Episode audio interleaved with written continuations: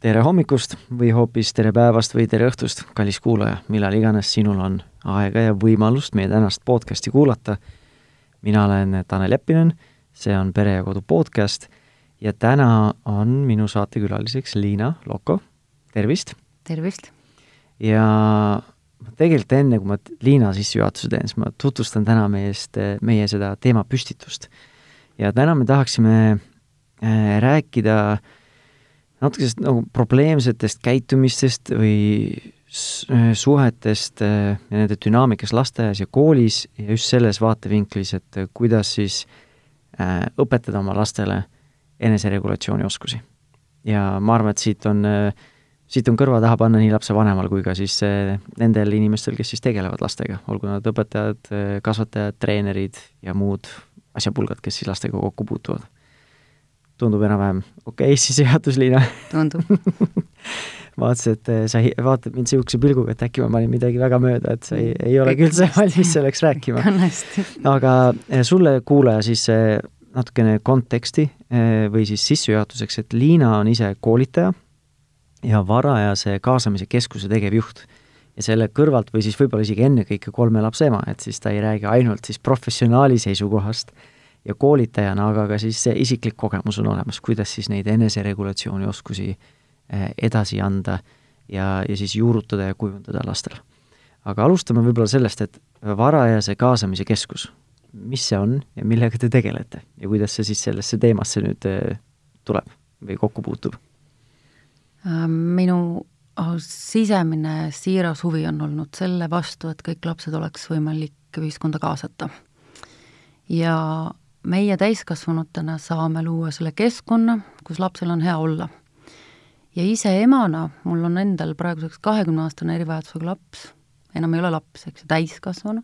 no ilmselt lapseks ta jääb ikka, kuigi ta lapsena, lapseks võib-olla ei kvalifitseeru. ütleme niimoodi, et lapsemeelne täiskasvanu, siis äh, äh, kakskümmend aastat tagasi olid võimalused väga ahtakesed, et äh, et niisuguseid lapsi üldse ühiskonnas näha, märgata ja neile luua võimalused teistega koos olla. eks ma olin üks nendest pioneeridest, kes seda siin Eestis ajama hakkas, et äh, lastel peavad olema võrdsed võimalused, äh, erivajadusega lapsed peaksid saama lasteaeda ja nii edasi, et on olnud äh, paremaid ja halvemaid päevi, ma olen endiselt tohutu kaasamise pooldaja. aga kaasata saab siis, kui täiskasvanud seda tahavad see ei sõltu lastest, vaid see sõltub täiskasvanutest. ja kõiki lapsi ei saa kaasata ilma süsteemita. kui me lihtsalt paneme lapse kusagile te teiste nii-öelda laste hulka, kes ei räägi temaga ei sama keelt, ei mõtle temaga samas foonis, on noh, et ta lihtsalt, me maandame ta kuskile keset äh, Hiina suurlinna ja siis arvame, et äh, miks ta ei toimi ja et nad ei saa kaasata ja siis me peame ta panema toimima, nagu suruma ta toimima? siis me surume seda toimima, aga see ei hakka kunagi niimoodi toimima. see peab olema kõikide osapoolte panus ja, ja miks ma sellesse endiselt usun, on see, et mul on olnud võimalus seda, seda põldu künda, sellelt põllult saada saaki ja olla kaasatud lapse ema aga spetsialistina näen ma täna, kuidas väga paljud lapsed lükatakse kuskilt uksest sisse ja öeldakse, et see on kaasamine. ja vot sellega ma ei ole nõus. et see, kuhu me lapse lükkame, kuidas me teda vastu võtame, kes on need inimesed, kes tema ümber on ja kas nad päriselt tahavad kaasata või nad ei taha, need on väga erinevad asjad. ja sellepärast see kaasamine on olnud minu äh, selge selline seljatagune, aga kaasata saab siis, kui me teeme seda piisavalt vara, kui me teeme seda piisavalt toega, et ma ei usu kunagi sellisesse kaasamisse, et ütleme, kaheteistaastase keerulise käitumise poisi puhul, eks ju, et me nüüd hakkame teda kaasama. kus me kaksteist aastat enne olime? kui, kui teha, siis kohe ja pärast tuleb mõelda, et kas see kaasamine on nüüd see kõige parem äh, mõttekäik või ju-, just kaasamine võib-olla hariduse mõistes, eks ju. või võib-olla me peame kõigepealt kaasama selle poisi mänguväljakule, ühiskonda, kogukonda ja nii edasi. et kust me alustame kaasamist? keeruline pikk jutt, eks ju. mm,. no see tekitab juba palju, väga palju selliseid küsimusi just äh, nagu sa ütlesid ka, et need täiskasvanud peavad tahtma kaasata, aga no me ei saa panna kedagi tahtma midagi teha mida nad ei taha teha.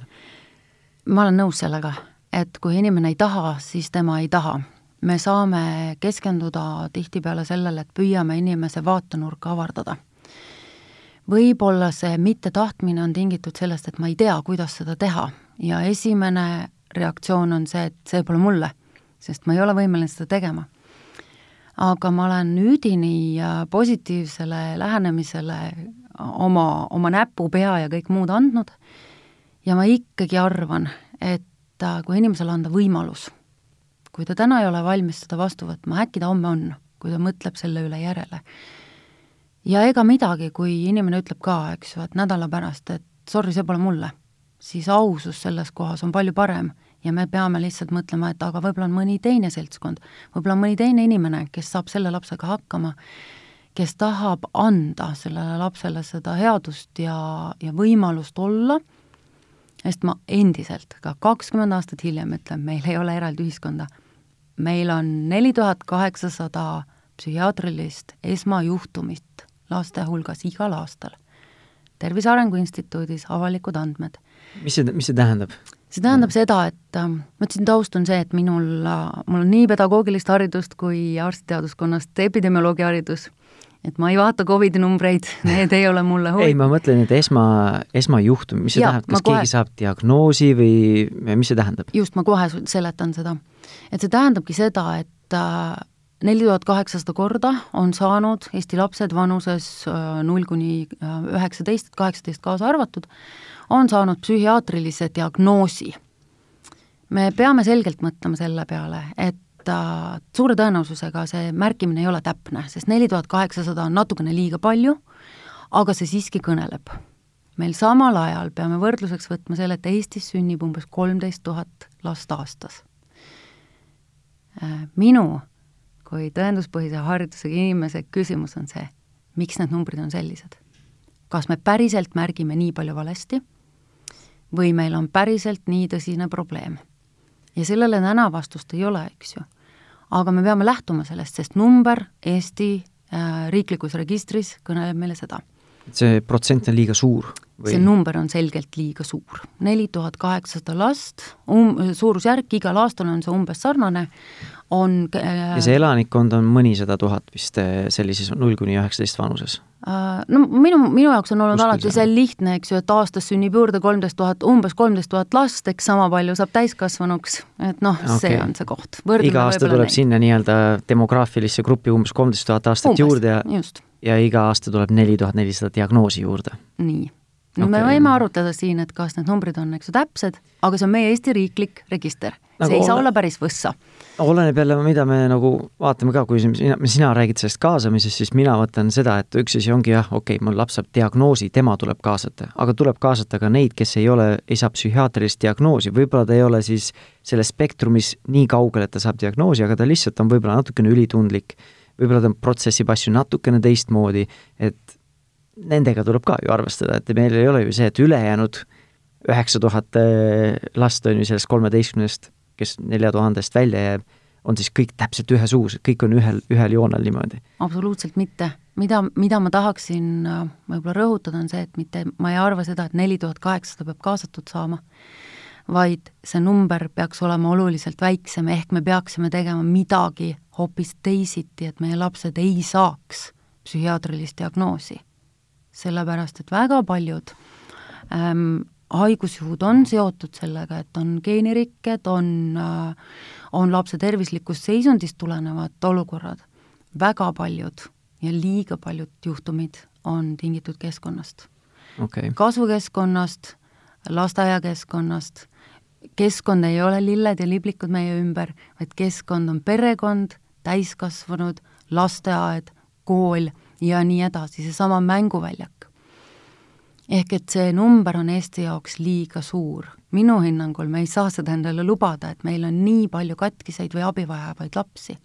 see ei tähenda kõigi nende puhul, et neil läheks halvasti. eks suure osa suudavad vanemad tegelikult oma lapsi ju aidata. aga mis on see, mis teeb meie lapsi katkiseks? miks nad peavad jõudma psühhiaatri juurde?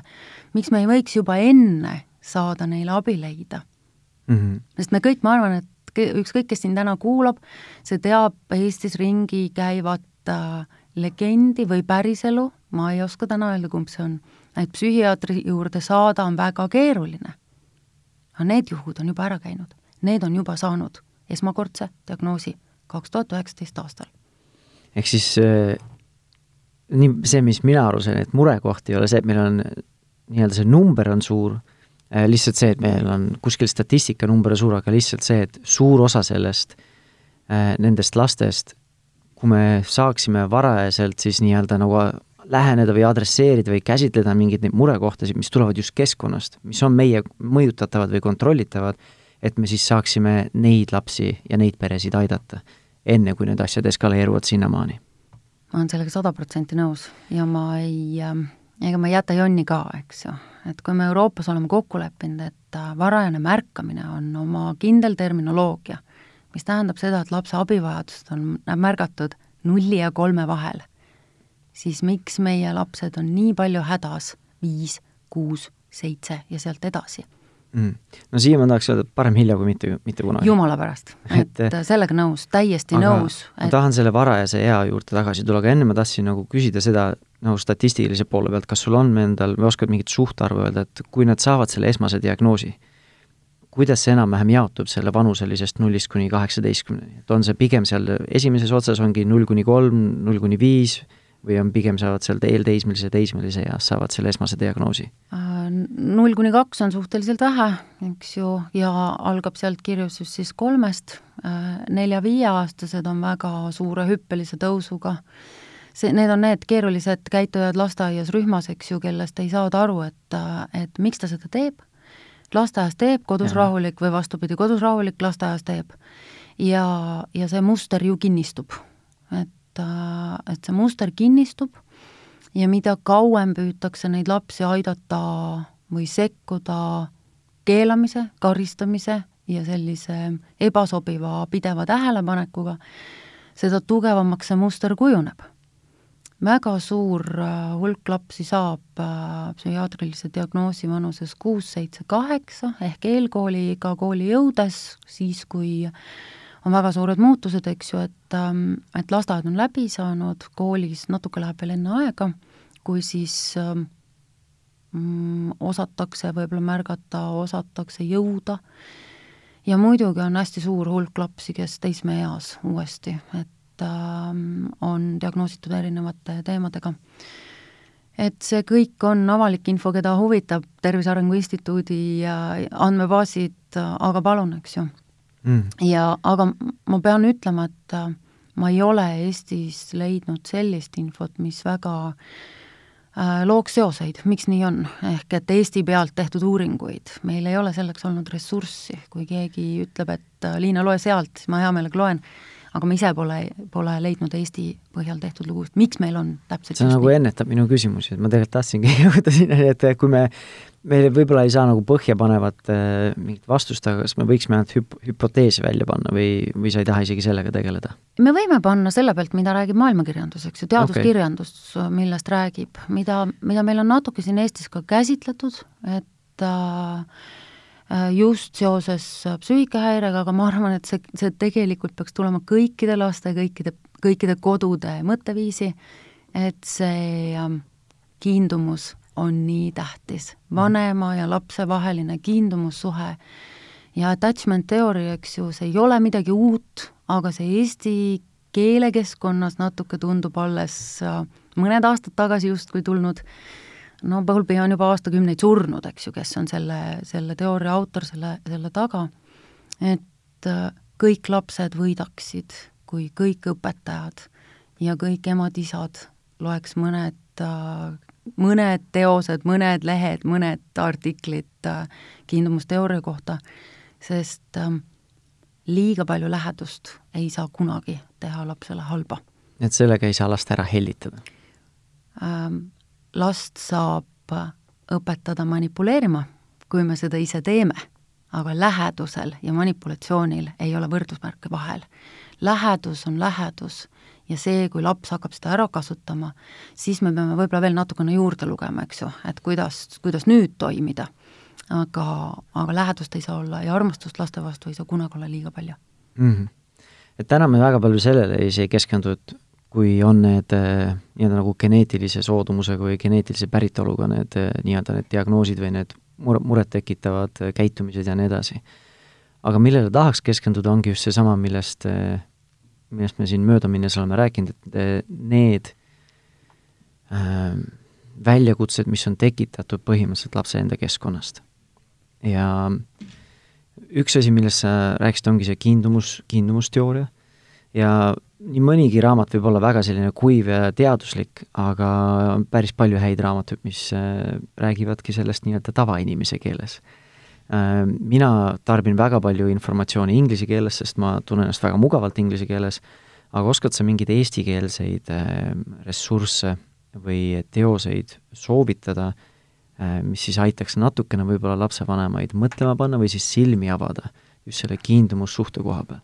Et sealt teiselt poolt on see kiindumushäirega laps, see näitab just nagu teiselt poolt seda asja, mis võib juhtuda, aga just selle koha pealt, et mida, mis annaks siis nagu ennetada ja seda positiivse nii-öelda sellist sisendit, mida siis võiks rohkem teha? Äh, kirjandusega eesti keeles ongi nii, nagu ta on, eks ju, mina ise samamoodi loen äh, pigem ingliskeelset, sest äh, tihtipeale otseallikas on seal.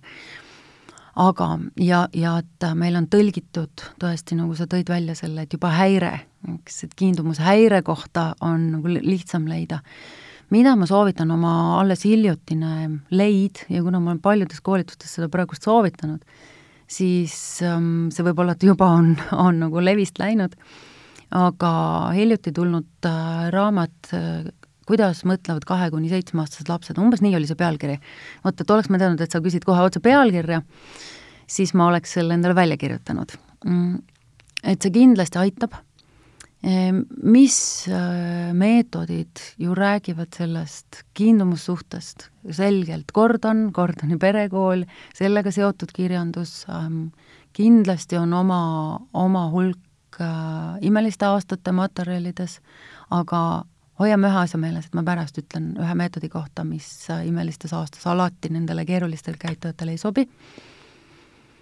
ja mis mul kohe veel ma mõtlen, igal juhul, kes äh, natukenegi loevad äh, Montessori kohta, teavad seda, et äh, vanema ja lapse suhe on, on esmatähtis.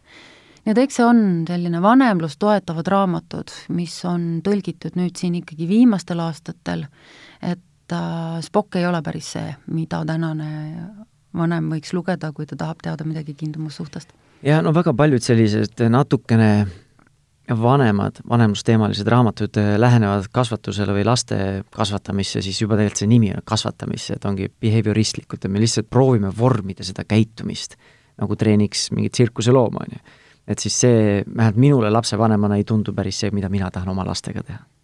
Ja see raamat, mis, mida sa mainisid, äh, ma kiiresti guugeldasin seda, ongi, et kuidas lapsed mõtlevad, igapäevased olukorrad ja praktilised lahendused kahe kuni seitsme aasta, aastaste laste vanematele. selle autor on siis Danith Carey ja Angharad Rutkin, ma loodan, ma hääldan neid autorite nimesid õigesti, aga kellel on huvi, siis leiab selle ise ka üles, kuidas lapsed mõtlevad, on pea, põhipealkiri. üks äh, raamat, kui keegi ise valdab inglise keelt hästi, siis ähm, üks minu hiljutine leid oli ühe minu lemmikautori poolt doktor Dan Siegli ja Tiina Payne Priceni raamat see on inglise keeles see aasta välja tulnud The Power of Showing Up. ehk siis nii-öelda kohaloleku jõud või et olla lapse jaoks tõesti olemas ja kohal ja seal räägib väga palju sellest, just sellest kiindumusteooriast, et lapsel on vaja tunda ennast turvaliselt, nähtuna ja siis nii-öelda lohutatuna või et tema emotsioone nii-öelda adresseeritakse või aktsepteeritakse. Ja aidatakse tal siis õppida oma emotsioonidega toime tulla. et kel, kui inglise keel on suus, siis see võib ka olla hea raamat, mida, millele silm peale visata. näiteks. vot, aga mis siis võivad veel olla sellised, lisaks sellele kiindumussuhtele äh, äh, sellised teemad, mis võivad äh, asjade kokkulangevusel tekitada lapses sellist reaktsiooni, et ta või lõpuks võib-olla võibki saada sellise psühhiaatrilise diagnoosi ähm,? Minu jaoks kolm sõna, keskkond, keskkond, keskkond. kui seda see on nagu kinnisvaramaakler juba, kes räägib ma... asukoht, asukoht, asukoht. põhimõtteliselt, põhimõtteliselt, eks ju, võib siin tekkida küll, küll äh, kuhu me selle lapse suuname, kuhu me selle lapse paneme.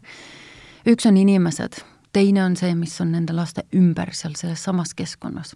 ehk siis teiste inimeste vahelised suhted. ja teised lapsed ja kõik need suhted, eks ju kas ma tulen kodust, kus mul on äh, ema ja isa, kes on andnud mulle jäägitu pühendumise, nii, vastanud igale minu vajadusele, võib-olla enda vajadusi vahest äh, tahapoole pannud, ja nüüd ma olen kahekümne neljases grupis, kus on kakskümmend kolm teist vajaduse järgi ihkavat äh, pisikest südant ja võib-olla ainult üks täiskasvanu kõigi nende peale. selgelt keskkonnamõjur ei ole, ei või, peaks enam olema uudis, et keskkond mõjutab meie toimimist seitsmekümne protsendi ulatuses. see ei ole enam viiskümmend või nelikümmend, kus geneetikal oli oluliselt suurem, suurem osakaal, see on tänaseks seitsekümmend. Ja, ja noh, ega siit enam palju minna ei saa, eks ju, et, et nii see on ja ühiskond on selline, nagu, nagu me oleme. kui me seda teadlikult kujundama hakkame, siis meil on palju suurem lootust, kui mitte midagi tehes. ja teine äärmus siis nende laste puhul võib olla see, et lapsed, kes on pidanud tegelema olelusvõitlusega äh,, väikesed äh, ruumid, kus elatakse, palju inimesi koos äh,, ebastabiilsed suhted võib-olla nii laste omavahel kui, kui täiskasvanute nende ümber, eks ju ähm,. meie Eesti täiesti uskumatult kõrged numbrid äh, perevägivalla juhtumite kohta, mida arvatakse, et noh, see toimub kuskil mujal, see toimub meie sees, see toimub meie naabrite juures. see toimub meie võib-olla kõige paremate sõprade juures, kes oskavad seda väga hästi varjata. sest perevägivald ei ole enam see, et keegi lööb kedagi kulbiga, vaid see pidev psühhosotsiaalne keskkond mõjutab meie laste toimetulekut võib-olla see toimub meie enda peres, aga me lihtsalt ise ei defineeri seda sellena, sest me ei oska ise seda kõrvalt vaadata ja võib-olla oma käitumise mõju hinnata adekvaatselt. See võib nii olla, sellepärast et eks meist väga paljud, no mina olen äh, nüüd üks sammuke üle neljakümne ehk äh, kõvas keskeas juba otsaga, oleme tulnud sealt, kus äh, laps rääkis siis, kui kana pissis ja ikkagi paha laps läks nurka. et noh, need olid nagu parimad sekkumismeetodid oli kordades hullemaid. ja päris paljud vanemad endiselt julgevad öelda, jumal tänatud isegi, et ütlevad välja, meil on vähemalt võimalik siis neid natukene mõtlema panna teisiti, et kui mina sain inimeseks tänu peksule, siis minu lapsed peavad sedasama saama.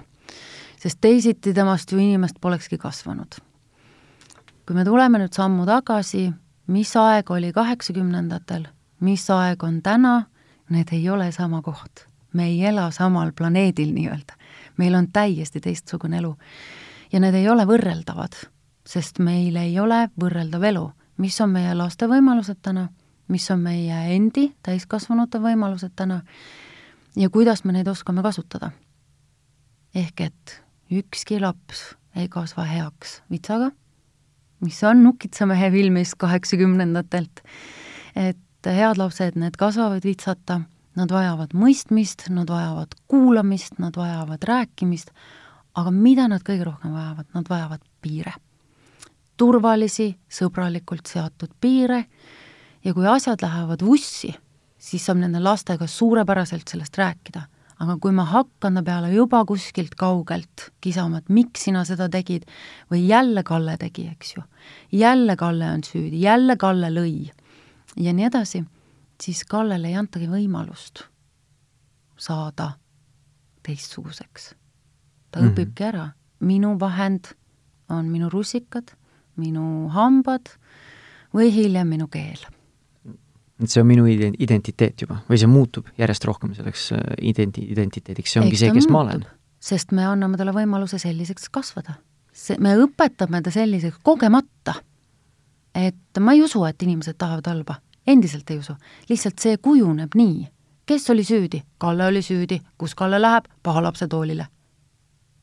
Paha lapse tool ei kasvata ühtegi ja. last teisiti käituma, mitte kunagi. kes seal paha lapse toolil ikka istub, nimi juba ütleb, seal istub paha laps, järelikult Kalle nii on. et see ongi, et kui ma istun paha lapse toolil, järelikult ma olen paha laps ja see on nii-öelda kivisse raiutud ja see, see ongi see, kes ma olen. aga ma tahan selle juurde ka tagasi tulla, et mis sa ütlesid, mida lapsed vajavad. lapsed vajavad, et neid kuulatakse, neid aktsepteeritakse, nendega räägitakse äh, ja teiselt poolt sa ütlesid, et nad vajavad piire. Et need asjad peavad, peaksid nagu koos toimima. mitte see, et piirid on see, et nii on, nii jääb ja sul ei ole mingit võimalust üldse, ma ei tea, kaasa rääkida või kaasa mõelda või ja nii edasi ja tagajärjed on sellised, kui sa ei tee nii, sest noh, tagajärjed võivad olla väga hästi maskeeritud, võib-olla isegi vahepeal väga halvasti maskeeritud karistused nagu. et, et need on mõlemad on olulised, et ma saan hoida piire ja samal ajal olla hooliv. Ja ma ütleks, piiride hoidmine ongi hooliv, sest ma hoolin lapsest, tema tulevikust, tema võimekusest iseendaga toime tulla ja ühiskonnas funktsioneerida ja nii edasi. ma julgustan mõtlema nii, et ähm, piirid ei tähenda karmust ähm, ma enne ütlesin, eks, et mul on kolm last, kahekümnene eluaeg äh, lapsemeelne, aga mul on kuusteist poeg ja kuuene poeg täpselt samamoodi. Ja ma võin täie rahuga anda neile pärast seda podcasti kuulata ja nad ütlevad, et noh, nii ongi. ma ei pea olema kuri, meil ei ole vaja üksteise peale halvasti või üksteisele halvasti öelda, aga me teame, kus on piir. me teame, mida ootan mina temalt ja mida ootab tema minult. ja selle jaoks ei pea olema kuri ema. ma ikka tahan arvata, et ma ei ole kunagi olnud kuri ema. sest kurjusega ei saa. aga millega saab? Ma lepin kokku. ma selgelt lepin kokku. kuule, vaata, see, mis sa teed siin, ei ole praegu mõistlik. kuidas me teeme teisiti? mul ei ole vaja kuri olla mul ei ole kunagi olnud vaja taga ajada oma praeguseks kuueteistaastast noormeest, kes võiks noh, veri vemmeldada ju küll selles vanuses, eks ju. et äh, miks see või see või see asi on tegemata. kas sa saaksid palun selle teha, millal sa saaksid selle teha? ja me arvestame mõlemad. kuule, mul oleks praegu seda sinu abi vaja, kas sa saaks seda teha kohe ja mõned asjad teha hiljem? ja ma saan selle, sest ma küsin tema käest. ma arvestan tema vajadustega samamoodi ma ei ole oma kuuest pidanud sundima äh, laua taha lugemist õppima, sellepärast et kooliks peab õppima lugema, vaid me hakkasime varakult selle teemaga peale ja me leppisime kokku. üks rida mina, teine rida tema. üks sõna mina, teine rida tema. miks ma peaksin sinna lööma selle piiri vahele, et seda peab tegema, sest kõik lapsed peavad õppima lu-, lugema? ma teen seda teisiti ja see on turvaline piir mm. -hmm.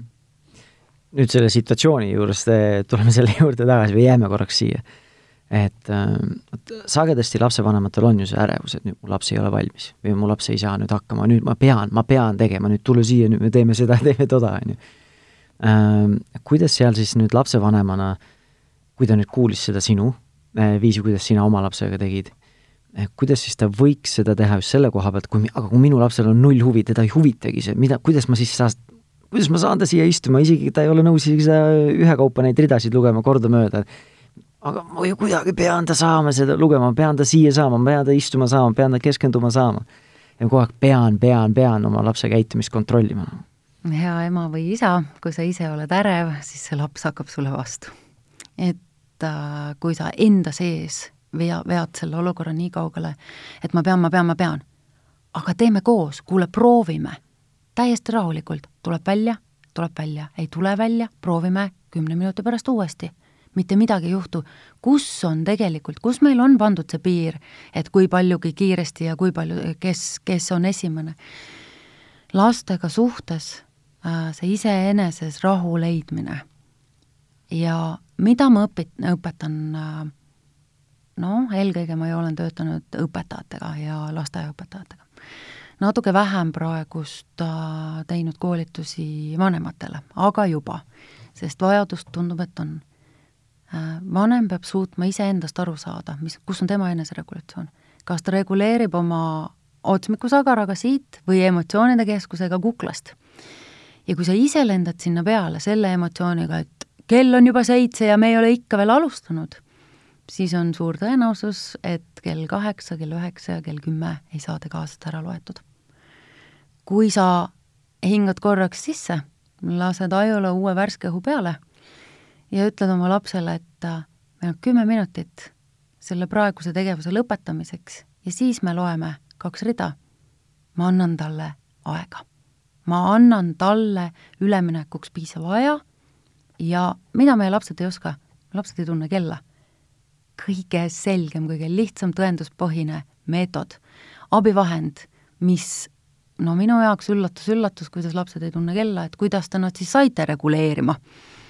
et anna teada, mis kell mingi asi toimub, ehk et multikate aeg, sul on veel jäänud viis minutit ja siis me teeme ära järgmise asja.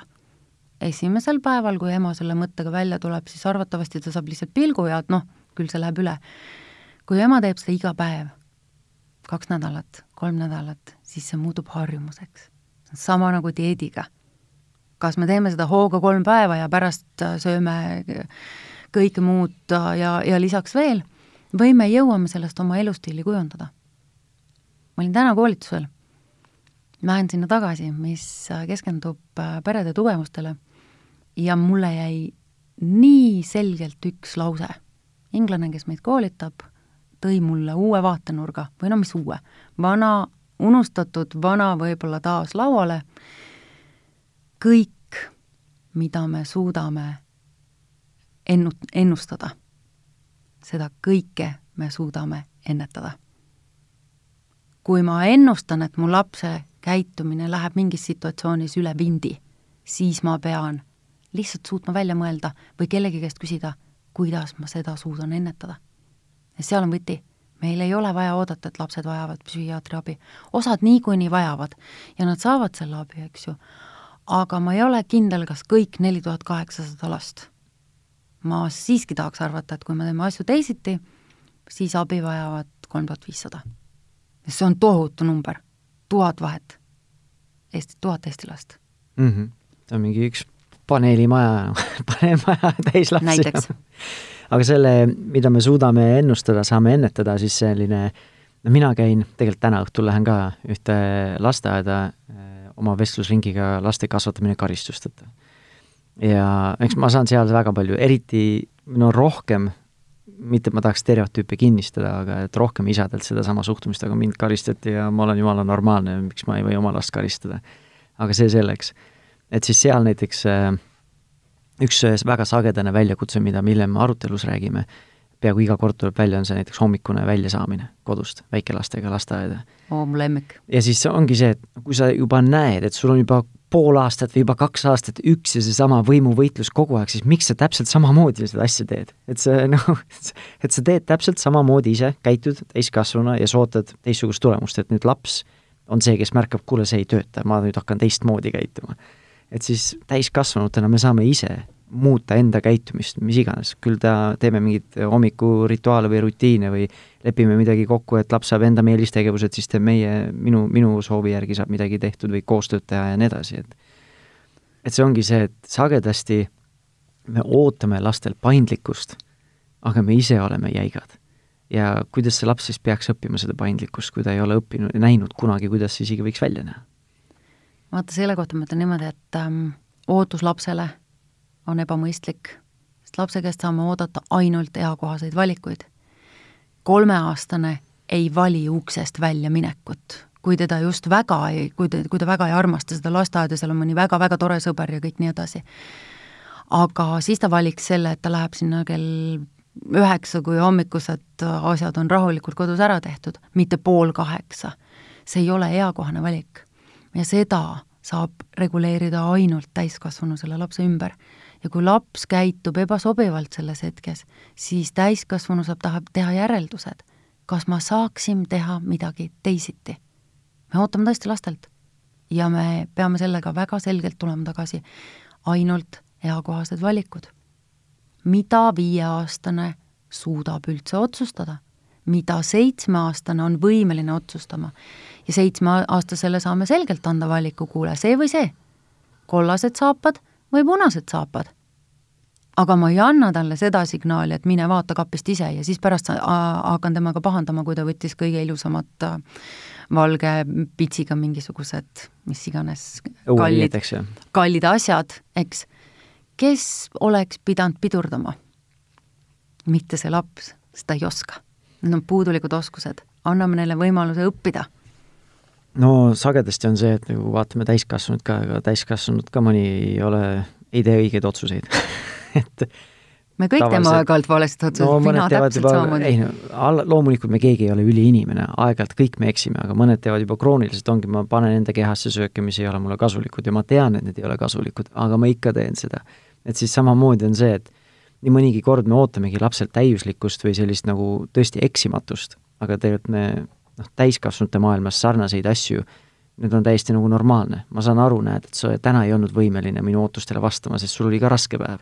aga nüüd, kui mu nelja-aastane ei vastanud täna minu ootustele, siis see on nagu üle mõistuse sõnakuulmatus, kuidas ta küll saab minu võimu vastu või minu autoriteedis ka-, autoriteedis kahelda või mis iganes, mis need mustrid meil hakkavad peas või kuklas käima. ja jälle jonnib ja jälle ja. jonnib ja kuuendat korda juba jonnib. mine istu paha lapse toolile näiteks aga see, ma just tahtsin natukene just, et äh, see eakohased ootused, ma olen sada protsenti sinuga nõus, aga mis ma tahtsin selle näite või selle kommentaariga lisada, ongi see, et need eakohased ootused, me võiksime panna neid asju ka konteksti, sest meil kõigil on vahepeal paremaid ja halvemaid päevi. et kui laps mingitel päevadel või paljudel päevadel on võimeline minu ootustele vastama, see ei tähenda, et ta alati ja iga kord suudab seda teha. Sest mõnikord on võib-olla pingeid rohkem, võib-olla on vähem, vähem halvemini maganud, võib-olla on näljane, võib-olla lasteaias läksid, äh, läks päev väga kehvasti ja ta ei ole nõus enam riidesse panema õhtul koju minnes ja nii edasi, et neid nii-öelda neid olukordasid või neid põhjuseid on erinevaid. et lihtsalt proovida ise lapsevanemana hoida sellist avatud meelt ja proovida aru saada, mis võiks selle käitumise taga olla, sest enamasti iga käitumise taga on mingi, mingi reaalne põhjus. nagu sa ütlesid ka, et ei ole nii-öelda halbade kavatsustega lapsi? Um, halbu asju juhtub, halbu tegusid juhtub lastel, eks, aga ma ikkagi arvan seda, et äh, me peame mõistma, me peame ennetama ja seesama koht, ma tulen tagasi selle keskkonna juurde, kui, kui lapsel on liiga palju kirevust, kirjusust, palju hääli, palju inimesi, kõike muud, siis oodata, et ta on võimeline õhtul kell viis minuga tegema veel seal lasteaia äh, riietusruumis äh, suurepärast koostööd, sealt edasi suurepärane koostöö poes, sealt edasi suurepärane koostöö kodus, siis kui ma süüa teen, sealt edasi ilma vankumata, ilma ühegi piiksuta ähm, unejutt ja õhtused protseduurid, see on ebamõistlik ootus.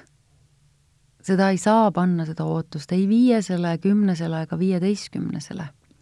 aga meie saame vähendada neid ärritajaid. Ehk et kas ma pean minema selle lapsega koos poodi, kui ta ei ole veel võimeline seal tegema mõistlikke valikuid, kas ma pean käima seal iga päev, kas ma pean peale lasteaeda tormama veel, no ma Tartu inimesena ütlen, et lõunaka ringile, eks ju, kas ma pean äh, tegema veel küla, külaskäigu siia-sinna kolmandasse kohta, ja siis olen õhtul imestunud, et issand, miks ta nutab, miks ta röögib mul enne magama jäämist. ma lõin talle selle keskkonna. meid ei ole veel piisavalt palju sellel teemal õpetatud.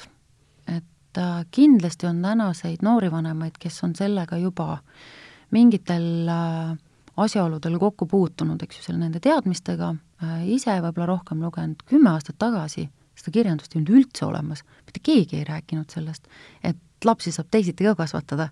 või et mõned lapsed on tundlikumad auditoorselt või füüsiliselt või mingi muu sisendi poolest, on ju, keevad kiiremini üle näiteks ja aga, aga sellel ülekeemisel on alati, ütlen niimoodi, no ma arvan, et alati, olgu, oli ülepingutatud sõna, kaheksakümmend protsenti juhtudest on põhjus ja on võimalik lahendada olukorda järgmine kord teisiti, kui me no, teame. see on täpselt sama, mis see, mõte, mõttetera oli, et kui me saame neid ennustada, siis me saame neid ennu-, ennetada. et see ongi, kui ma tean, et pärast pikka lasteaiapäeva nagu iga jumala kord peaaegu võin mürki võtta, läheb poes triangliks, siis ma saan sellest järelduse teha ju. et ma saan midagi teisiti teha, kas käin poes ilma lapseta enne ära, pärast ära, mis iganes. Et eh, ma saan ise täiskasvanu ju õppida nendest kogemustest, mitte kogu aeg sellesama reha otsa astuda ja loodan, et äkki homme seda reha seal ei ole, kuigi keegi seda reha pole vahepeal ära võtnud, on ju. no tõsi on ähm,. ma tahaks veel öelda seda, Tanel, siia, et äh, ükski, ükski vanem ei peaks ennast halvasti tundma, kui ta ei tea. sellepärast, et vanemaks ei sünnita.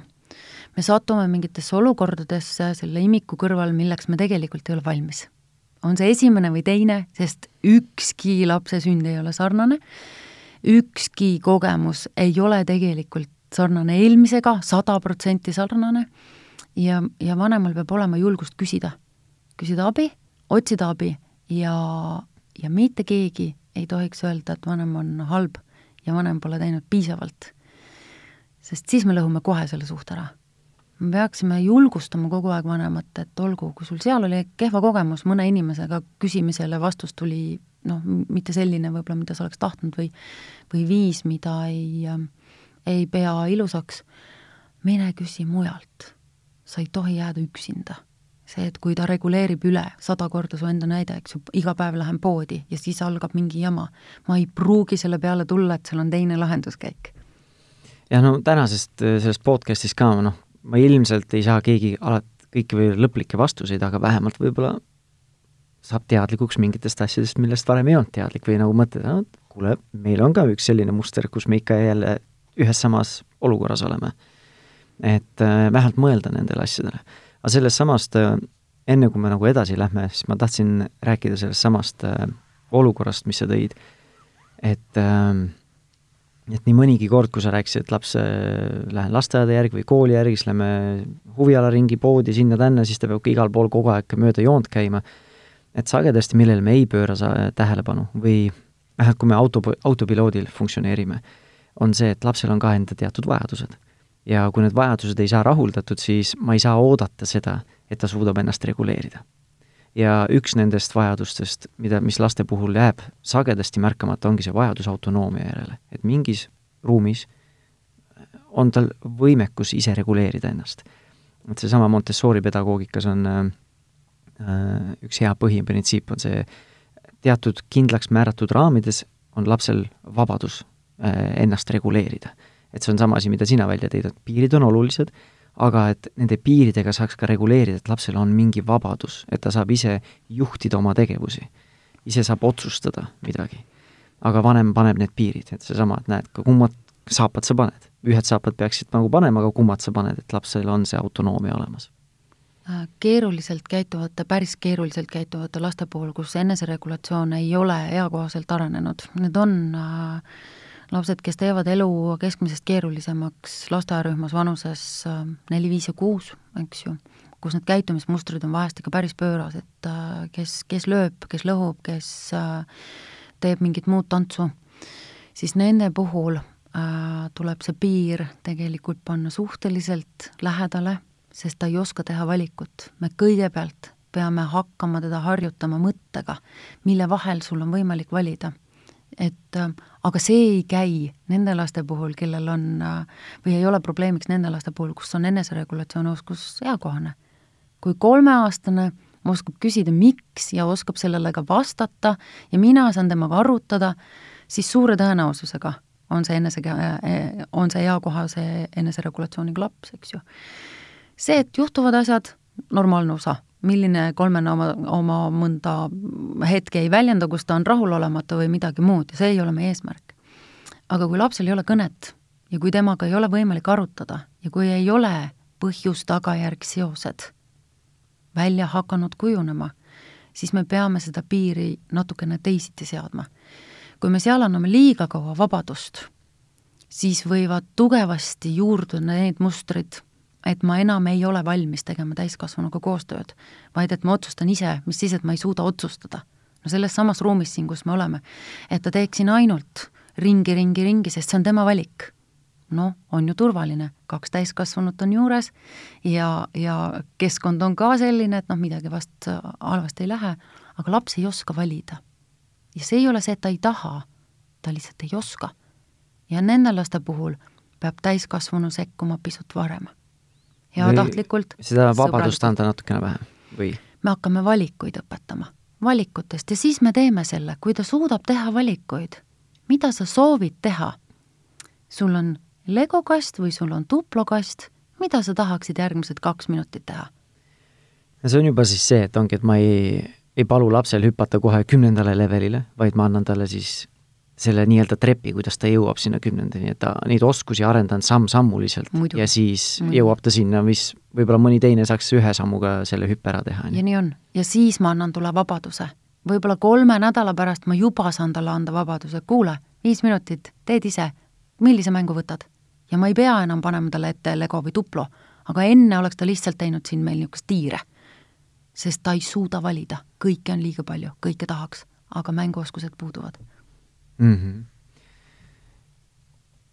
nii, mis selle teadmisega nüüd peale hakata, et äh, sest no kui me võtame väga noori lapsi, kolme-nelja-aastased, nad kõik tunduvadki vahepeal siis nagu täiesti ebaratsionaalsed inimesed nagu, aga kus siis nüüd, kuidas saada aru ise lapsevanemana, et ma võib-olla võiksin pöörduda mingi professionaali poole, et saada võib-olla kõrvaline hinnang, et kas on mure, mure, mureks põhjust või ei ole mureks põhjust et mis on selline nagu eakohane käitumine või, või vastupidi, siis mis on mingid märgid, mis võiksid lapsevanemale anda signaali, et lihtsalt kindluse mõttes saab professionaali selline hinnang või, või kolmas arvamus või kolmanda osapoole arvamus?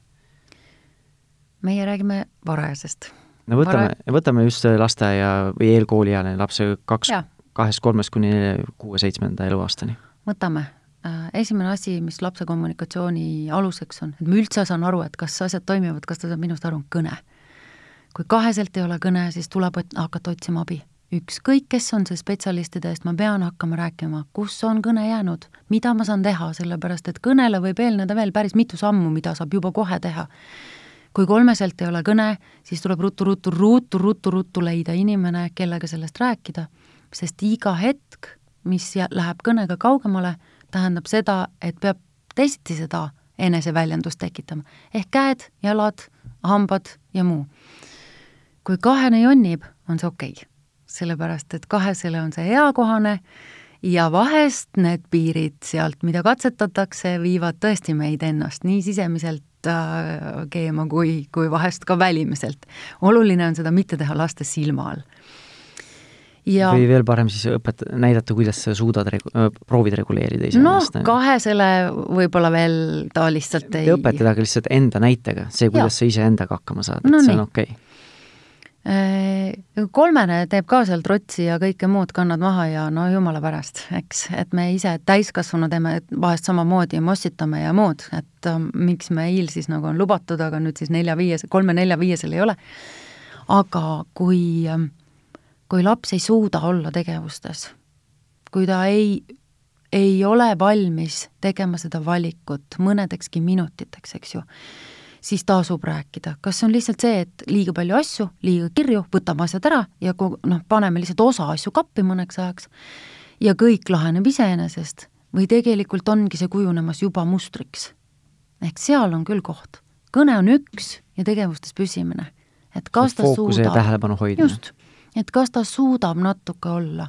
ei pea olema ju, natuke ei tähenda poolt tundi, oota pool tundi mm. -mm. kui ta suudab olla kolm-neli minutit, siis see on meile indikaatoriks. sest see, mis see tähendab kolm-neli minutit, ta suudab mingi tegevusega olla nii-öelda järjepidevalt, näiteks ehitab kolm-neli minutit või joonistab kolm-neli minutit või see tähendab, et ta suudab oodata kolm-neli minutit, enne kui saab oma tahtmise või? ei, oodata kolm-neli minutit mõtlengi, kindlasti ei jõua. mis sa ütled selle? tegevustes ütlen niimoodi, et äh, kui me pakume talle välja, et teeme seda või seda mängu või seda või seda mängu, eks ju, et see ei oleks kogu aeg üks sama, sest osad lapsed on valmis äh, legodega istuma kaks tundi üksinda kuskil nurgas, see ei anna meile palju infot. aga, aga kui need tegevused vahelduvad, see lasteaed on väga hea keskkond kas, äh, kui on voolimine, kui on mingi muu asi, lihtsalt selleks, et kas laps püsib. ja võib-olla mõjutab teda lasteaiakeskkond, et ta ei suuda püsida, aga võib-olla on eneseregulatsioon see, mida me peaksime timmima. et äh, siin ei ole alati seda ühte indikaatorit. kindel indikaator on kõne. viieaastane laps arutab meiega, miks asjad juhtusid, miks läks vussi, miks tuli, miks ma lõin Kallet mingi, miks mingisugused asjad äh, läksid nii, nagu nad läksid. kui arutlust ei ole, peame meie täiskasvanuna andma alternatiivi. sest siis suure tõenäosusega eneseregulatsioon on ka veel kehval järjel. nii et ei ole et tee kuule ära need, need, tee kümme kökki ja siis sa tead, eks. jah, et kui ta tegi kaheksa, järelikult peab muretsema et siit läheb see piir. ei ole nii lihtne. mida ma olen alati vanematele öelnud, kõige mõnusam tunne on see, kui ma, kui mul enda sees on mingi teemaga ärevus ja siis ma kellegagi räägin, aga see keegi, noh, võiks olla ikkagi see, et tal on professionaalne taust, eks ju, valdkonnas. et ei pruugi aidata naabrinaisega rääki, rääkimine, kes ütleb, et oh, pole hullu midagi, küll kõik hakkavad alles kolme aasta pärast, pole midagi et mine räägi spetsialistiga ja kui sa saad selle teadmise, et sul on kõik hästi ja see jonn siin on täiesti normaalne, sest beebi tuli majja ja vanem peabki täiesti uues olukorras suutma kohaneda, äh, tal on võetud ära tema ainuvõim ja õigus, et see on okei. Okay.. ja sina anna talle sinna tähelepanu juurde, siis see rõõmustab iga, iga vanemat väga vahva, sinuga võikski jääda rääkima nendest teemadest, aga meil on aeg juba täis tiksunud, et, et äh, ma ei ole üldse kindel, et kas sa said neid küsimusi esitada, mida sa tahtsid. eneseregulatsioonist natukene jäime kaugemale, aga näed, aeg-ajalt juhtub seda ja tegelikult noh, ma ei tea, kas päris pooltel kordadel, aga nii mõnigi kord äh, need asjad äh,, vestlused lähevad natukene teises suunas, aga kuna mina olen siinpool mikrofoni ja reguleerin, kontrollin, siis ja mulle, mina tundsin ennast väga mõnusalt, mina sain paljudele asjadele kinnitust, oma suhtumistele, oma lähenemistele ja samas õppisin ka ja minu jaoks on see juba väga, väga ed-, asja ette läinud vestlus. no väga tore. ja ma loodan, et ka sulle, kallis kuulaja. aga enne, kui me nüüd äh, siin joone päris alla tõmbame, siis ma tahaksin äh,, siis me rääkisime tõesti väga palju erinevatest asjadest, aga kui nüüd keegi nagu jõudis mingi taipamiseni, et jah, nagu sa ütlesid, et eh, seda, me ei, ei ole mõtet süüdistada, kui sa ei tea midagi. aga nüüd, kui lapsevanem sai teadlikuks millestki, mida ta ei tea ja tahaks nüüd arendada ennast, siis ma tean, et teil on vist endal Facebooki leht ja koduleht, et eh, on, tahad sa seda jagada ka, kus siis saab natukene mõtteid või no ikka võib, et äh, ma võib-olla ütleks seda, et miks ma nüüd alles olen Facebookis, eks ju, et me oleme ju töötanud juba kaua, aga me töötasime tõesti väga keeruliste lastega eelkõige ja kevadest, kui Covid tuli, saime me aru, et me tahame teha, teha ka seda, seda tööjuppi, kus me saame mõnesid asju veel rohkem ennetada. ehk et suunaga täiesti tavalistele kodudele, täiesti tavalistele peredele, et, et nemad ei satuks nii ruttu sinna neli tuhat ja muude numbrite hulka, sest on lihtsaid asju, mida muutes saab, saab asju paremaks timmida ja varajase kaasamise leht on nii Facebookis kui meie kodulehel ja me teame, et vanematel pole aega, et kodulehel on leitavad nii artiklid kui plakatid, mille lugemine võtab vähem aega. et lihtsalt visata pilk peale, mõelda, et aa, ma teadsin seda, aga ma olin juba unustanud. või et aa, ma teadsin, ma kolm päeva tegin, aga nüüd on jõud otsa saanud, lihtsalt et leida uuesti see ressurss. tuletada meelde, need on vanad asjad, uues kuues võib-olla, natuke alati juures, aga mida me tahame rõhutada et me ikka väga hoiame kinni, et selle taga oleks teadus. et keegi on selgelt need asjad tõendanud, et need toimivad. kõike võib teha, aga me ei saa siis anda lubadusi mm.. Nende puhul võiks anda. ja siis varajase kaasamise keskus, koduleht on VKK? vkkeskus.ee VK-keskus, okei okay. suur-suur aitäh sulle, tänane külaline oli Liina Lokko, aitäh sulle, Liina aitäh kutsumast! ja aitäh sulle ka, kallis kuulaja, ja kui tänane teema kõnetas sind, siis äh, kindlasti otsi varase kaasamise keskus üles äh, kas Facebookis või siis internetiavarustes. ja kui see tänane teema kõnetas, siis äh, me oleme sarnastel teemadel arutlenud ka paljudes varasemates podcastides ja sa leiad need kümned ja kümned varasemad podcastid kas oma nutitelefoni podcasti rakendusest, Spotify'st või siis Delfi või Pere ja Kodu veebiväljaandest. ja kui sa oled juba suur podcasti fänn või kuulaja, siis viska silm peale ka minu sooloprojektile, Rahumeelse vanemluse podcastile. aga aitäh veel kord ja järgmise korrani, tšau!